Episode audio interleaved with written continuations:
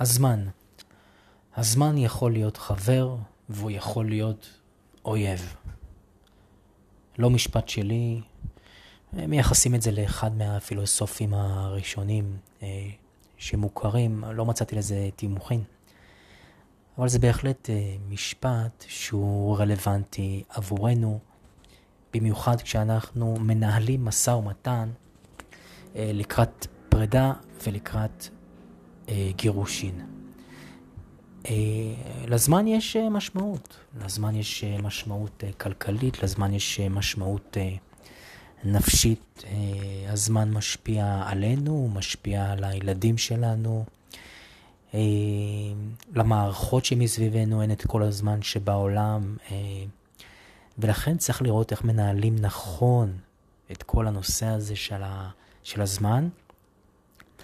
ואני מתכוון, הזמן שמוקצה לניהול הליכי המשא ומתן לקראת גירושין.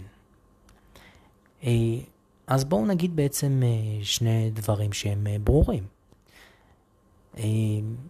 את הזמן שמוקצה אפשר למשוך, אפשר להעריך, אפשר לסחוב, אפשר. ואת הזמן שמוקצה אפשר גם אה, לקצר, אפשר להאיץ, אה, והכל תלוי נסיבות. אגב, הדברים נכונים גם אם uh, מנהלים את המשא ומתן, נניח בצורה ישירה, הבעל והאישה יושבים ומדברים ונפגשים שוב פעם ומנסים להגיע להסכמות. הניהול של הזמן רלוונטי גם כאשר עושים את זה למשל uh, אה, פגישות מרובעות, כלומר הבעל, והבעל ועורך הדין שלו והאישה ומי שמייצג אותה, גם כן פגישות שכאלה, גם כן הזמן שם הוא קריטי. וגם בפגישות שמתנהלות במסגרת אה, ההליכים של בית משפט, הליכי הגישור של אה, בית משפט, מה שנקרא אה, הליכי יישוב סכסוך, גם שם אה, הדברים אה, נכונים, גם שם, למרות שיש הקצאה של זמן, אפשר להעריך אפשר לעכב, ואפשר גם לקצר, ואפשר להאיץ. אמ, אני רוצה, רק בשביל ככה להמחיש את הדברים, אני רוצה אה, לתת כמה דוגמאות. מתי למשל צריך לקחת את הזמן, או, או מומלץ לקחת את הזמן. אמ, ואחר כך גם ניתן דוגמאות מתי כדאי שלא לקחת את הזמן, לקצר את התהליך, להאיץ אותו, אה, ולראות איך אה, מסיימים אותו כמה שיותר מהר. אז בואו נדבר רגע על, ה... אה, על מצב שבו אנחנו רוצים ככה יותר לקחת את הזמן. אחד המצבים למשל זה שאתה החלטת שאתה רוצה לסיים, ואתה בעצם מכניס את הצד השני גם כן לתוך הידברות סביב הסיום, והצד השני בכלל לא בשל.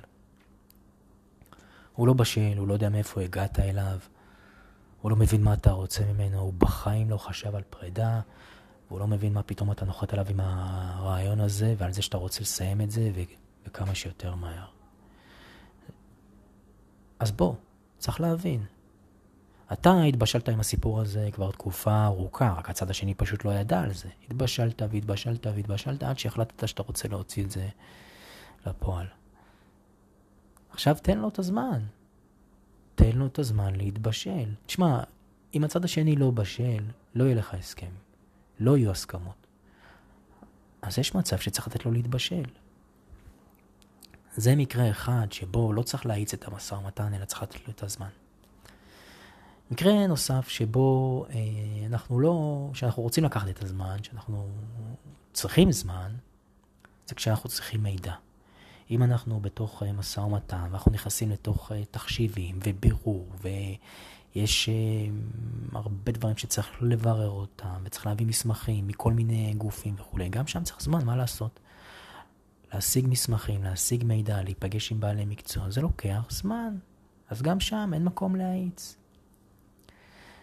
ודוגמה נוספת היא מתי צריך זמן במשא ומתן, זה שלפעמים אנחנו מחליטים שאנחנו רוצים לסיים, התחלנו את המשא ומתן, אבל אבל קורה משהו בדינמיקה בין בני הזוג, והם רוצים לתת לעצמם איזושהי הזדמנות נוספת.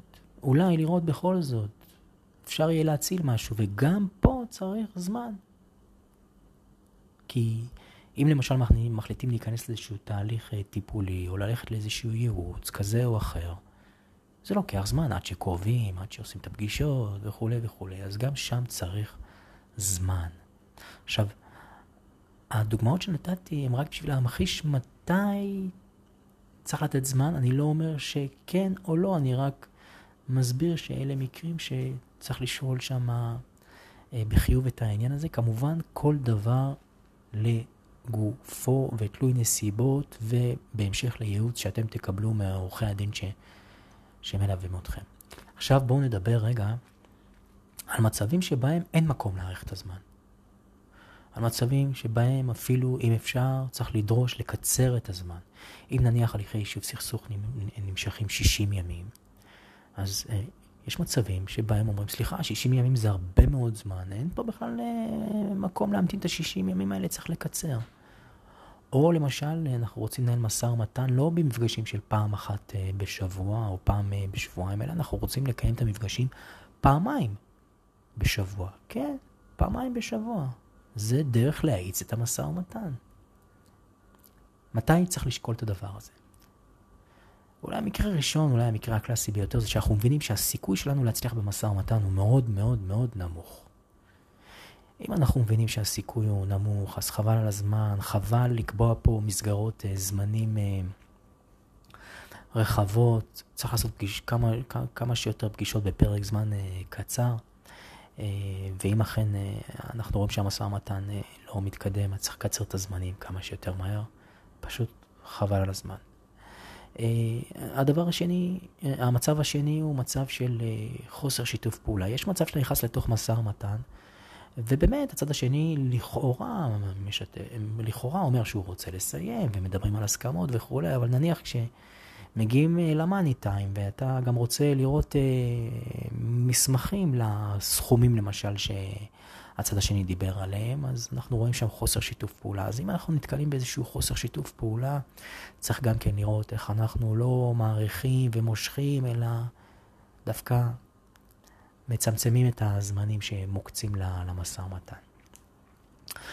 אה, יש מצבים שבהם יש אירועים בשטח שמחייבים התערבות אה, שיפוטית, גם שם לא נרצה לנהל משא ומתן ארוך, אנחנו נרצה משא ומתן קצר, או שיש הסכמות או שאין הסכמות, ואז אנחנו מכניסים את, ה, את הערכאות השיפוטיות אה, לפעולה. אה, עוד מצב שבו אפשר לשקול לנהל את המשא ומתן בצורה מהירה ומואצת זה כשהצד השני לחוץ. אה, לחוץ זה למשל אותו בעל שהמאהבת אה, מחכה לו שהוא יתגרש ורוצה לסיים כמה שיותר מהר. אה, אותו אחד שיש עליו חובות והנושים נושפים בעורפו והוא רוצה לסיים מהר, או לחילופין הוא רוצה לקבל איזושהי ירושה עתידית והוא כבר רוצה להיות גרוש, או מישהו שיש עליו תיקי הוצאה לפועל וההוצאה לפועל רודפת אחריו. כל מיני מקרים כאלה שיש גורמים נוספים שמלמדים אותנו על... לחץ מסוים של הצד השני, אולי גם שם כדאי לנהל את המשא ומתן בצורה שהיא מואצת. נתתי פה ככה דוגמאות על קצה המזלג רק בשביל שאפשר יהיה להבין שהנושא הזה חייב להישקל. כשאתם יושבים עם עורך הדין שלכם ונותנים מסגרת למשא ומתן, וחשוב שתהיה מסגרת למשא ומתן, תשאלו את עצמכם, האם אתם רוצים לנהל את זה בצורה מואצת, או שאתם רוצים לנהל את זה בצורה שהיא איטית. אה, לא דיברנו מקודם על... אה, אה, יש כמובן גם חסרונות לדבר הזה, בסדר? למשל כשאנחנו מנהלים משא ומתן בצורה איטית, אז נכון שלאחד נותנים את הזמן להתבשל, אבל מצד שני, השני כבר שמבושל, הוא כבר נטחן בתוך התהליך, הוא מתחיל לאבד סבלנות, הוא מתחיל לאבד כוח. אז יש לזה גם חסרונות, לא, לא דיברנו על החסרונות. בכל מקרה, כל דבר חייב להישקל לגופו של עניין, אחרי שמבינים מי הפרסונות, אחרי שמבינים את, ה, אה, את נקודות החוזק ואת נקודות התורפה. אה, אל תקבלו כאלה החלטות אה, לבד, מדובר בעניין שהוא מאוד מאוד משמעותי וקריטי להצלחה של המשא ומתן. תודה שהייתם איתי. גיל שחף, אנחנו כבר עוסקים למעלה מ-20 שנה בניהול תיקי גירושין. אוהבים לסיים את הכל בהסכמה מהירה, בלי נזקים. נשתמע בפודקאסט הבא. צ'או. thank you